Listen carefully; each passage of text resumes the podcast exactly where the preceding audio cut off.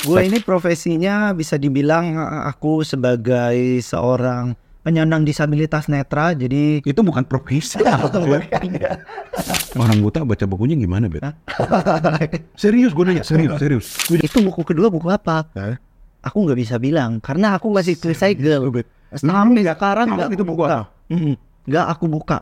Jadi lu nggak akan pernah mau buka buku? Nggak, nggak mau. Seterusnya. Iya. Lu nggak penasaran lu terdampar terdampar di pulau, bukunya Profesor Yohanes Surya udah lu ulang dua, dua juta kali gitu ya. Buku ketiga yang akan lu selamatkan. Aku nggak akan selamatkan buku ketiga. Hah, serius lu? Betul nih. Eh ini konsepnya buku, Bet.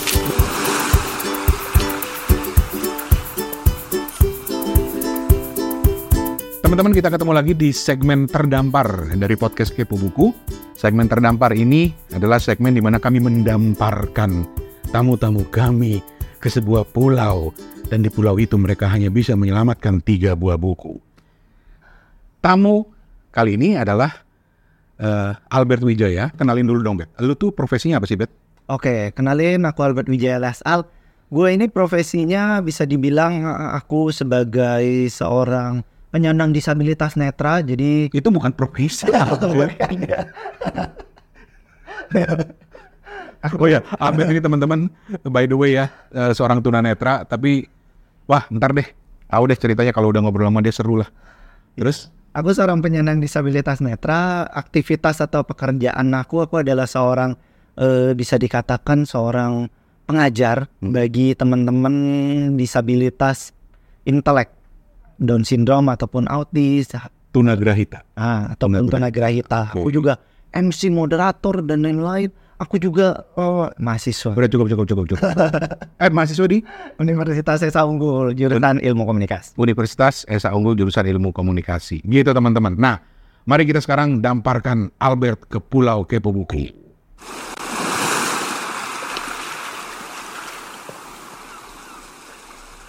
Oke, Albert, kita bermain-main ya, Bet. Boleh? Jadi ceritanya, lu kita damparkan di sebuah pulau. Terpencil, Bet. Oke. Sendiri, Bet. Oke.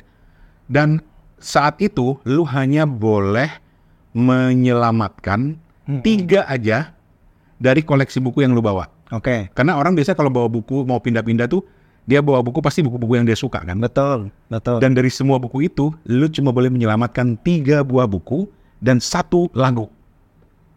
Oke, bingung kan lo? Bingung kan lo? Waduh. Jangan-jangan lagunya Cikini Gondang dia Saya begini Karena Albert Wijaya. Oke, kita mulai dengan buku yang pertama, Be.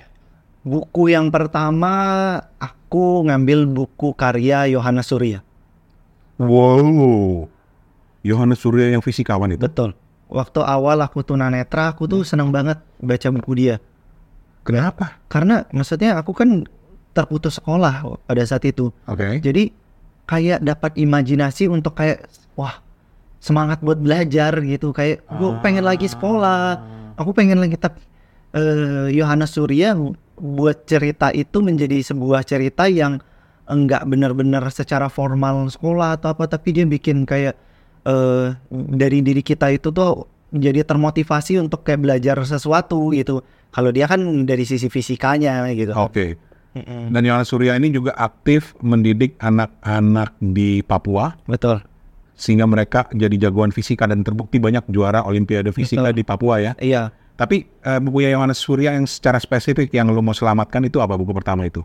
Mestakung Mestakung semesta mendukung. Mestakung Cerita dong, Bet. Eh, ntar lu sebelum lu cerita. Maaf ya, jangan marah ya. Bukan ya. Iya, nggak apa-apa. Orang buta baca bukunya gimana, Bet? Serius, gue nanya. Serius, serius. Jadi eh, beberapa di antara kita itu tuh membaca buku dengan aplikasi. Hmm? Nah, aplikasinya tersebut itu tuh membantu kita membaca setiap halaman demi halaman ketika kita jebret atau jepret dengan aplikasi tersebut, nanti dia akan membacakan eh, teks dari aplikasi tersebut. Oh, Jadi buku itu dibacakan. betul. Tapi apakah itu buku digital atau buku fisik? Bu- buku fisik Serius? Jadi buku Iya, fisik bisa dibacakan? bisa Caranya gimana? dibacakan. Jadi eh, ketika kita misal pakai aplikasi tersebut sudah tuh kita eh, jepret jepretin ke halaman buku yang akan kita baca ya. Jepret baca. itu maksudnya bukan dijepret pakai karet kan? Bukan. Di foto. Iya, di potret. Ya, di foto. Oh di foto, di Iya. foto dijepret. terus terus terus terus. di foto. Terus halaman itu dia akan membacakan tulisan dari halaman itu. Keren. Namun kan pertanyaannya nanti bilang, lah kalau kita fotonya kan namanya tunanetra foto pasti nggak pas gitu kan. Hmm. Nah itu yang akan menjadi tantangan gitu karena Oh, nggak untuk ngepasi. iya nggak full bahwa berarti kan ada kemungkinan eh, dari segi dia membacanya 70-80% tuh eh, sesuai gitu kan. Jadi lu ngebaca, gua ngebayang gini, lu ngebaca halaman satu cekrek terus dibacain. Betul, betul. Halaman dua cekrek dibacain. Iya, iya. Eh keren. Aplikasinya masih kan nggak namanya apa? Eh, Sing AI kalau nggak salah. Sing AI. Iya. Oke. Oke, itu teman-teman. Jadi caranya Albert atau teman-teman tunanetra membaca buku itu bisa buku elektronik ya, Betul? asal PDF ya, Iya, asal PDF. asal PDF atau buk, ada ada aplikasi yang memotret halaman bukunya, terus nanti dibacain. Betul? Betul. Betul. Oke. Sebenarnya ada alternatif ketiga. Hanya khusus yang udah punya pacar. Oh iya, dibacain. Dibacain. Si dia gitu ya. Yang belum punya pacar mau. Boleh kita lanjut, Be? eh teman-teman jangan tersinggung ya. Mungkin ada yang bilang ih bang Rane orang apa namanya disabilitas, disabilitas dibercandain. Nah, saya sama Albert udah biasa bercanda. Bahkan sebenarnya lebih bah- lebih parah lagi Albert karena Albert itu suka menertawakan kedisabilitasannya sendiri. Oke. Mestaku semesta mendukung. buku pertama Albert yang akan diselamatkan di pulau terpencil. Kenapa Bet? Eh, balik ke yang tadi ya, Be. Berhubung aku tuh seorang disabilitas yang terputus sekolah. Hmm? Jadi proses di mana aku untuk eh pada, bahkan itu itu aku beli bukunya itu tuh. Oke Bukunya aku beli. Buku fisik? Iya, Aha. beli. Nah, di momen pada saat itu tuh aku lebih kayak wah, gimana ya maksudnya bahwa eh, dari proses membaca buku itu aku jadi semangat untuk ngambil paket B, ambil paket C supaya eh, apa secara pendidikan aku sama nih Hmm. kesetaraan pendidikannya Oke, itu oke. udah selesai itu emang lu gak sekolah atau gimana sih? terputus Oh sempat putus sekolah Ya, karena gara-gara gelap gitu Oh, oh karena lu nggak ini ya apa maaf ya eh, mulai mengalami kebutaan itu di tengah jalan pada saat iya masih sekolah ya. iya itu Oh, jadi terputus gara-gara itu. putus. Tapi kan ketika kita baca bukunya, terus lihat alur cerita daripada eh, buku dari yang ditulis oleh Pak Yohanes Surya ini, Mhm. bikin aku tuh kayak merasa bahwa wah gila. Eh, dia kan menggambarkan kayak jadi jadi seorang tokoh atau apa beberapa kali buku dia tuh kan menggambarkan seorang Ya. tokoh yang pengen belajar, pengen apa. Nah di momen itu bikin aku tuh jadi pengen wah gila, gua harus belajar nih. Termotivasi lagi untuk aku pengen lanjutin sekolah Dan akhirnya lu tamat. tamat sekarang kuliah tadi kan Sekarang kuliah bidang komunikasi. iya ilmu komunikasi Oke, ntar dulu, gue mau balik lagi. Bagian apa di buku itu yang membuat lu sangat terilhami? eh Masih ingat gak? bagian buku itu yang membuat aku sangat Saya ada terilhami bab tertentu. Eh, gini sih be karena kan menurut aku bahwa yang aku sangat sukai dari cerita Yohanes Surya secara umum di buku-bukunya adalah cerita di mana momen ketika anak itu tuh mau mencoba sesuatu, meng- menggali sesuatu.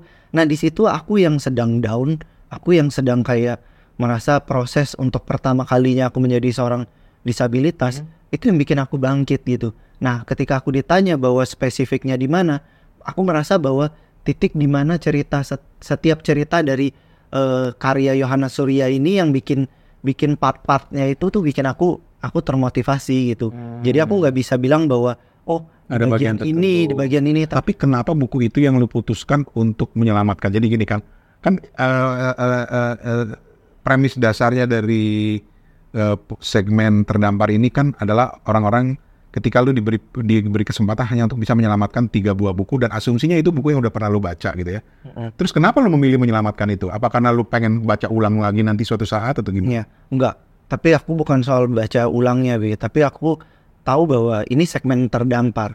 Suatu hari nanti ketika aku sendirian di situ, Hmm. aku akan merasa bahwa aku butuh seseorang, butuh motivasi lagi, butuh bangkit lagi ketika aku. Nah, buku itu yang akan ingetin lagi. lagi, aku Oke. gitu. Ya udah nanti gua ajak Pak Yohanes Surya untuk terdampar juga malu deh. Jadi nggak jadi aku sendirian ya.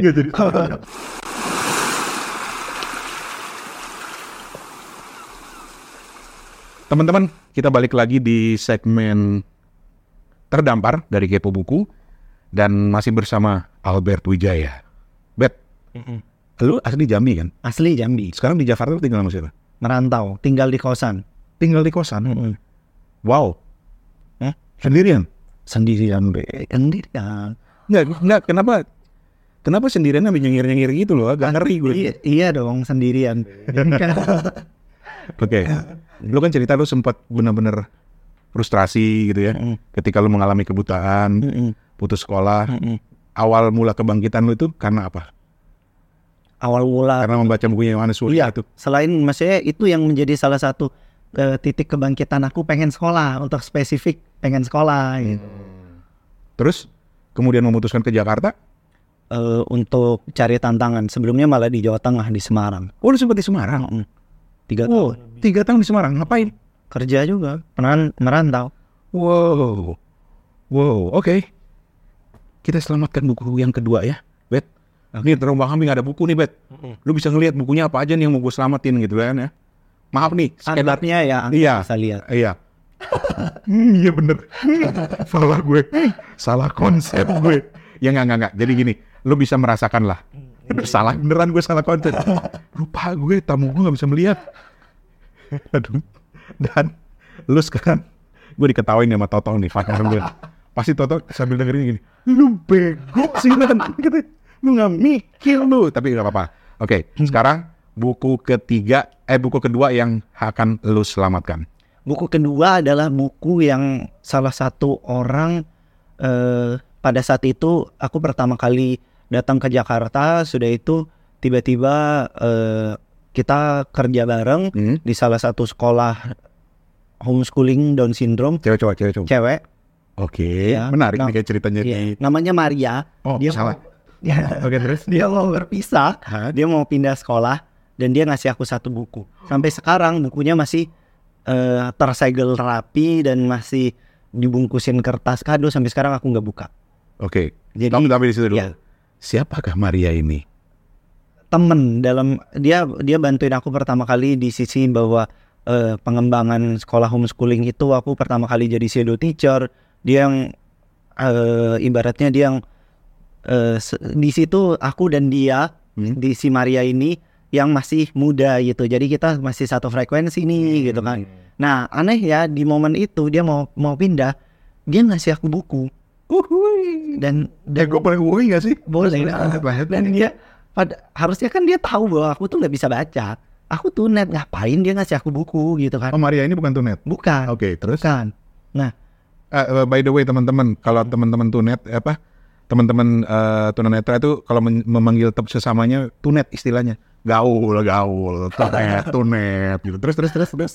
tapi kalau ditanya itu buku kedua buku apa Hah? aku nggak bisa bilang karena aku masih segel Bet. sampai sekarang nggak itu buku Mm-mm. nggak aku buka sampai sekarang masih ada Kalau lu rasakan tebel tipis, eh tebel kayak gini doang gitu tebel ya. Iya. Berarti kalau kayak gini sekitar 300-an, 400-an halaman. Iya. Terus dibungkus. iya Ah, iya, dia, ya, ya, Iya. punten karena lu juga nggak bisa ngeliat, Iya, jadi iya. nggak tahu. Dan lu Iya. lu nggak pernah penasaran selama ini untuk membukanya. Ka- memang sengaja nggak aku buka Kenapa? karena aku merasa bahwa ini adalah sebuah pemberian Hmm? dan aku menghargai pemberian itu dan aku tahu bahwa eh, konteksnya dia nggak bermaksud untuk apa ya Ngeledekin eh, lu. ngeledekin aku gitu kan tapi aku merasa bahwa ih gila ada orang yang ngasih gue buku nih Kenapa kemudian memutuskan untuk menyelamatkan buku ini sebagai buku kedua? Karena besok kapan hari Hmm. aku tuh menghargai aku punya punya prinsip aku menghargai setiap pemberian orang Hmm, buku. kalau buku aku bisa cerita ke anak cucu aku gitu kan bahwa ini loh dulu ini nih buku Wait, wait, dikasih wait, wait. Ah, terus terus dikasih sama Maria. sama Maria temen tahu nggak Maria tuh siapa dia tuh yang pertama eh, kali temen ayah temen Tapi tapi Pak. lu Hmm. Jadi lu nggak akan pernah mau buka buku. nggak nggak mau Seterusnya. iya Lu nggak penasaran lu terjempar terdampar di pulau, bukunya Profesor Yohanes Surya udah lu ulang dua, dua juta kali gitu ya. Masa lu nggak penasaran sih baca buku ini? bukan aku karena kan aku pengen ketika nanti aku sudah punya anak aku Hmm. punya cucu Hmm. eh, memori kenangan itu tuh bukan kenangan si Marianya ya tapi kenangan dari segi wah kok gue di gua dikasih buku gitu dia Sebagai seorang Iya, tunanetra. sebagai seorang tunanetra beda dengan Yohanes Surya Iya. yang aku yang beli gitu kan Oh, Yohanes Surya kan aku yang beli gitu keren. nah ini dia orang yang ngasih gitu Tapi nanti anak cucu lu boleh buka gak bukunya? nah itu aku aku aku akan Terserah kasih dia aku akan kasih kenangan ke rencana aku bayangan aku imajinasi aku adalah suatu hari nanti itu akan aku kasih ke anak cucu aku Tapi lu gak pernah penasaran? Penasaran isi bukunya Iya. aku penasaran aku tanya sama si Maria Dia gak mau kasih tahu. dia nggak mau kasih tahu baca sendiri lu ya. baca sendirilah Kalau harus menebak-nebak kira-kira buku apa? paling nggak buku motivasi Motivasi, buku Iya. novel. nah aku nggak tahu ini Gokil. aku nggak tahu Gua sampai Nggak. Gua nggak, gua sampai gua sampai kehabisan kata-kata lo. Ada orang dikasih buku nggak pernah mau dibuka, tapi dia menyimpan itu sebagai sebentuk kenangan. Orang tuh bet kalau kenangan dikasih kalung, tuh kenangan bet. Buku harus dibaca. Tapi oke, gua gua menghargai eh, keputusan lo bet. Keren banget. Karena satu ketika nanti aku terdampar gitu kan Hmm. eh kalau berbicara ini buku Heeh. aku akan mengambil buku itu karena itu adalah pemberian orang dan harus aku jaga Oke, terakhir nih sebelum kita pindah ke buku kedua. Kalaupun ya lewat podcast ini, Mm-mm. karena podcast ini juga kita tayangin di YouTube, Hmm. ya. Kalaupun lewat podcast ini lu bisa, eh Maria sekarang di mana? Di Jakarta Tapi masih sering masih sering ketemu kadang Ah, baru gua mau bilang apa yang lu mau sampaikan ke Maria. Ternyata masih sering ketemu. masih masih Dan Maria nggak pernah nanya bukunya udah pernah dibuka belum gitu. eh dia pernah nanya ketika kita pernah ketemu itu tuh Hah? dia nanya udah dibaca belum ya belum gimana gue mau baca gue aja kagak buka karena gue merasa kalau gue buka siapa Maria marah. Maria marah nggak sih? dia ketawa Oke. karena dia kenal gue Bet, jangan-jangan Maria ingin menyampaikan sesuatu lewat judul buku itu, Bet. nah aku nggak tahu deh Aku lu nggak penasaran? dari segi yang babe ngomong kayak gini aku sebenarnya pen- sempat penasaran Oke. kan tapi kan balik ke aku yang merasa bahwa aku sekarang mau minta siapa baca gitu kan kalau bisa aku baca pakai alat. Iya, maksudnya kemarin, maksudnya Oh, kemarin, kemarin, kemarin. aku mau minta siapa baca. Ketika sekarang aku minta baca pakai alat Hmm. dan itu sudah kebuka gitu kan, Hmm. wah aku nggak punya eh, cerita untuk aku bagikan ke anak cucu. Kehabisan cerita dia. Iya, ka- ketika nanti anak cucu aku udah ada, aku akan bilang bahwa coba kita buka yuk atau kita, aku Kita buka penasaran bareng kita buka yuk. Ini tahu nggak? Lucu ya, lucu ya. Ya, Lucu ya anak cucu lu ngumpul gitu kan ya. iya, Bareng-bareng gitu ya. Iya. Tahu aja dibuka begitu ternyata buku tulis. Satu paket. Nggak tahu ya juga ya. Akhirnya udah dibagi Itu aja, lucu ya buat belajar sekolah ya. Yang penting kenangannya udah gue simpen gitu kan. Tapi asli ini keren banget. Dan lo yang lagi nonton ini kalau mau nebak-nebak kira-kira Maria ngasih Albert buku apa? Tulis di komen ya. Di komen di Spotify boleh, tulis di komen di YouTube boleh. Ya udah kalau lo bisa bercerita ke Maria kenapa lu nggak buka gue kasih waktu deh satu menit buat cerita ke Maria silakan menatap ke eh menatap ke kamera itu posisi jam 12 Oke oke. Eh mau bilang kenapa aku nggak buka gitu Iya, ketika lu harus nyapa Marianya dong. Ceritanya gue nggak ada nih. Ceritanya gue, Iya. ceritanya gue lagi di laut. Oh iya iya. Kan gue ikan paus. Oh iya. Enggak Jadi gue nggak bisa ngomenin. Ayo silakan. Iya, Oke. Hmm, Cik. Hmm, sorry ya, bukunya nggak aku buka nih sampai sekarang. Kenapa? Karena eh, ketika lu kasih, aku merasa bahwa ya aku juga buka nggak bisa baca gitu kan. Mau baca pakai aplikasi, aduh kayaknya lebih apa ya memorable ketika aku tuh bisa baca sendiri gitu kan. Atau aku bisa dibacain oleh seseorang gitu. Dan aku anggap bahwa orang yang bisa membacakan nantinya itu adalah anak ataupun cucu aku nanti gitu. Jadi mohon sabar ya Ci. Jika umur berkenan lo akan tahu buku itu udah buka atau belum. Gue jadi penasaran pengen nanya. Lu kan nanti akan baca dengan anak cucu lu ya, ya kan? Calon penghasil anak cucu lu udah ada belum? Jangan tersinggung ya kalau gue boleh Nggak, nanya ya. Kalau gue boleh, boleh, ya. Ini, ini sebelum kita beralih nih. boleh Lu pribadi memilih sebagai seorang tunanetra, iya memilih untuk menikah dengan sesama tunanetra atau dengan non tunanetra. dengan non Kenapa? karena aku yakini bahwa ketika aku punya men- pendamping seorang non Hmm. itu akan menjadi sesuatu pelengkap bukan berarti yang sama dis juga bukan berarti sama sesama tunanetra nggak bisa melengkapi ya enggak tapi itu akan menjadi sebuah keunikan gitu ketika wah ada cowok yang tunanetra ada cewek yang nggak tunanetra gitu kan nah gimana aku melengkapi dia gimana dia melengkapi aku gimana kerikil kerikilnya gimana bentrok bentrokannya nah itu yang seru ini Keren lu. Gua tuh sama Albert udah lama kenal, sering toyor-toyoran, sering ledek-ledekan. Kalau tidur di hotel bareng-bareng sekamar, lomba ngorok gitu. Tapi gue baru kali ini melihat sisi Albert yang seperti ini. Cie. Ah, terima kasih. Nomor rekening berapa, Bapak? Lu melankolis banget. Oke, tapi kita akan balik dengan buku ketiga. Iya. Plus masih ada satu lagu. Kenapa lagu? Nanti gue ceritain alasannya kenapa dia bisa menyelamatkan satu lagu. Ini kan acara kepo buku, kenapa ngomongin lagu? Tenang aja, tenang. Kita balik lagi bentar lagi ya. Bentar dulu.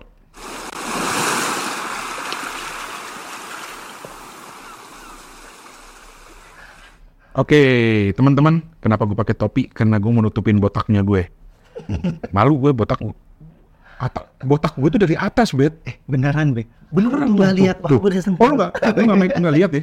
Jadi gue mulai dari atas kepala tuh botak menyebar ke sini. Jadi gue udah pikir nanti kalau botak gue makin lebar, akan gue botak licin sekalian kayak Deddy Kobuzier. Oh, iya, iya. Cuma badannya aja beda. Kalau Deddy Kobuzier kan gede otot gitu ya. Kalau gue gede perut. Oh, gede, gede aset itu. Be. Gede. Aset. Nah, te- teman ngomong jorok gue juga nih.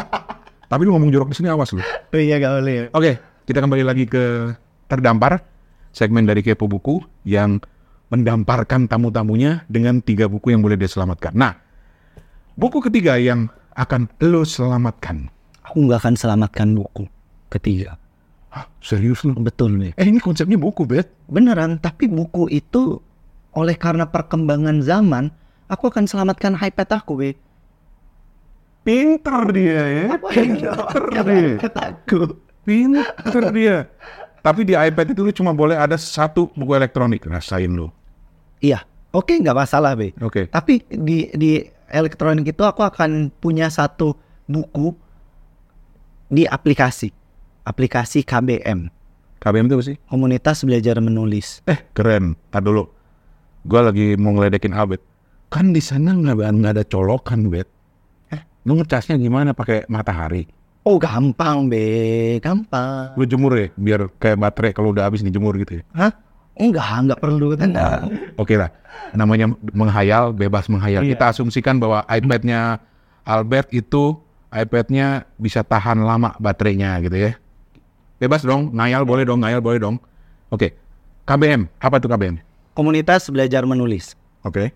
Nah, di situ itu tuh eh, banyak banget cerita-cerita novel Hmm. orang-orang yang yang pengen belajar menulis mulai dari yang amatir sampai yang profesional. Hmm.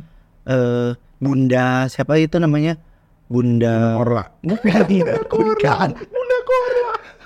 Bukan. Eh terus Bunda Korla siapa sih? Ah udah udah. Oh iya. Yang di Jerman, yang di Jerman itu ya? Gue lupa udah, gue hafal namanya. Ah, ya udah lanjut. Iya. lanjut. Eh, Bunda Sleng. Bukan soalnya terus. Jadi eh, dia salah satu penulis terkenal juga, bahkan dia eh, menurut cerita dia sempat bikin salah satu eh, skenario cerita daripada sinetron eh, Aldebaran itu. Ada barang. Iya, sama si yang itu aman ya itu gitu kan. Itu apa nih maksudnya? Yang di RCTI itu gitu kan, Ikatan Cinta gitu. Oh, dia yang tulis Cinta. juga gitu. Oke, Udah oke. Ya aku mau nyebutin agak kalau Ya nggak Ah, bukan maksudnya lupa mulutnya itu udah di mulut tapi itu sih, itu sih karena memang lupa lo. Memang udah sebut aja Bunda Korla. iya nah di di situ banyak sekali Bunda Korla siapa sih? Lanjut, sorry. di situ banyak sekali be cerita-cerita dan eh, aku senang baca cerita-cerita itu mulai dari drama ada yang horor pokoknya eh, cerita-cerita yang yang menurut aku itu tuh apa eh, bikin imajinasi aku tuh menghayal gitu Melayang ke sana kemari gitu ya.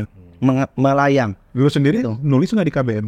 aku sempat belajar nulis di Wattpad tapi ya potensinya bukan dinulis dibacot ternyata Dibacot emang. Mau jagoannya jualan bacot tuh. Tapi lu suka membaca karya-karya teman-teman dari KBM. iya aku Ini suka nggak ada karya-karya menarik dari teman KBM yang wah sampai sekarang berkesan banget gitu loh. Eh, sempat ada tapi maksudnya bahwa eh, yang aku bilang ini adalah pada saat itu ada tapi sekarang dia larinya tuh di di Google. Hmm. sorry ya teman-teman aku nggak bisa sebutin namanya dan aku nggak bisa karena ini 21 plus. Diam be. Ini bener be. Ceritanya tuh bagus banget be.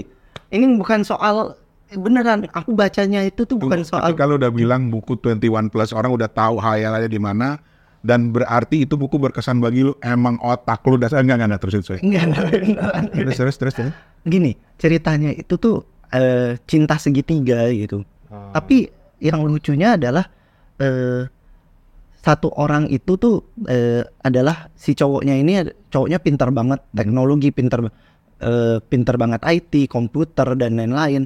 Si perempuan yang satu ini adalah sahabat dia sejak lama dia sudah menyukai gitu kan Hmm. sudah suka gitu.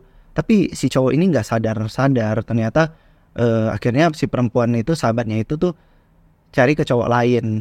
Nah tiba-tiba muncul kembali di eh, perkuliahan satu perempuan yang eh, tajir melintir dan lain-lain.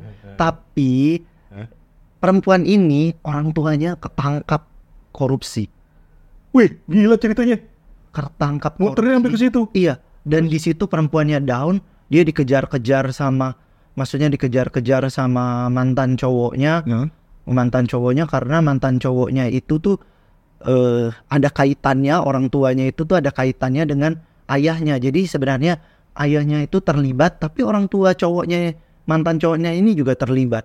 Dan si si laki-laki ini bantuin dia dengan teknologi yang lucu dan unik gitu kan kejar-kejaran motor apa tapi tiba-tiba dia bisa siramin air terus tiba-tiba motornya itu remnya tiba-tiba karena panas terus tiba-tiba malah nabrak pokoknya Ah. hal-hal yang kayak gitu gitu dan tetap ada sisi education seksnya tuh tetap ada gitu kan cuman cuman poin terakhirnya Albert itu bisa ngebaca loh kalau gue lagi ekspresi cebel gitu. tapi poin Kita udah saling kenal dekat jadi dia tahu gitu. Terus terus terus terus. Poin Poin poin. terakhirnya adalah yang seru menurut aku bahwa si laki-laki ini ternyata itu tuh anak orang kaya.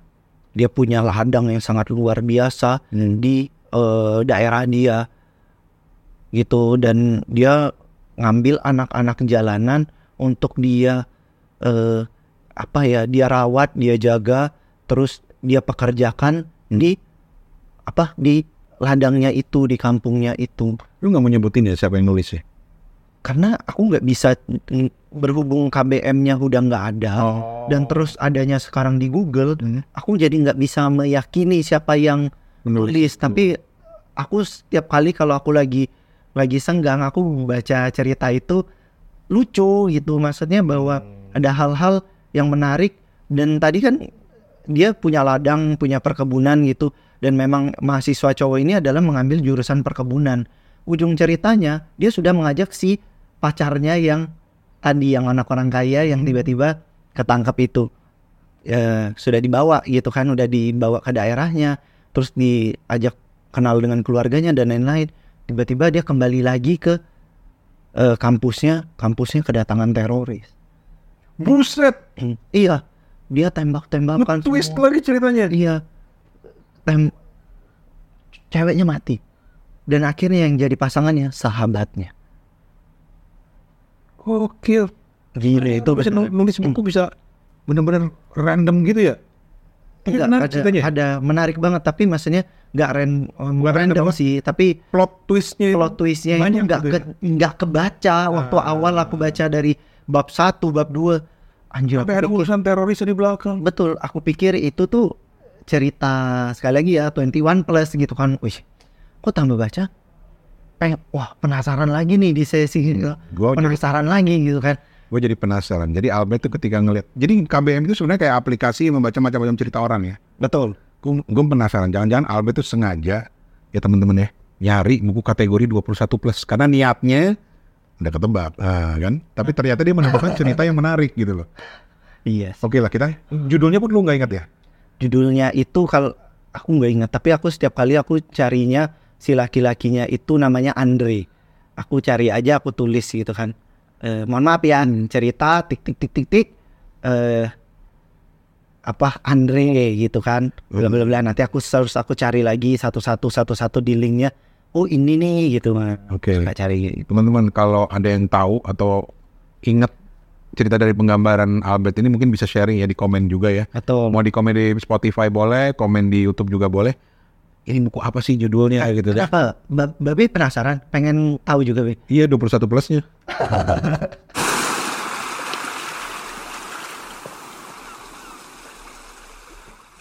Teman-teman kita di segmen terakhir, terakhir nggak selamanya lu akan eh, membacakan gitu loh.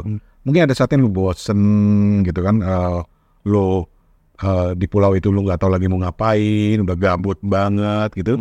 Jadi gue sebagai sutradara terdampar ini mengizinkan lu menyelamatkan satu buah lagu. Dan lu nggak perlu tanya ya teman-teman, nah kalau diselamatin satu buah lagu muternya pakai apa ya? Nggak usah, nggak usah, beneran sumpah nggak usah. Karena itu namanya ngayal, jadi namanya ngayal mah bebas gitu ya. Lagu apa Beb? Aku mengimajinasikan tiba-tiba langit itu tuh akan bersenandung lagu itu. Uhuy. Lagunya Ed Sheeran. Ed Sheeran, judulnya.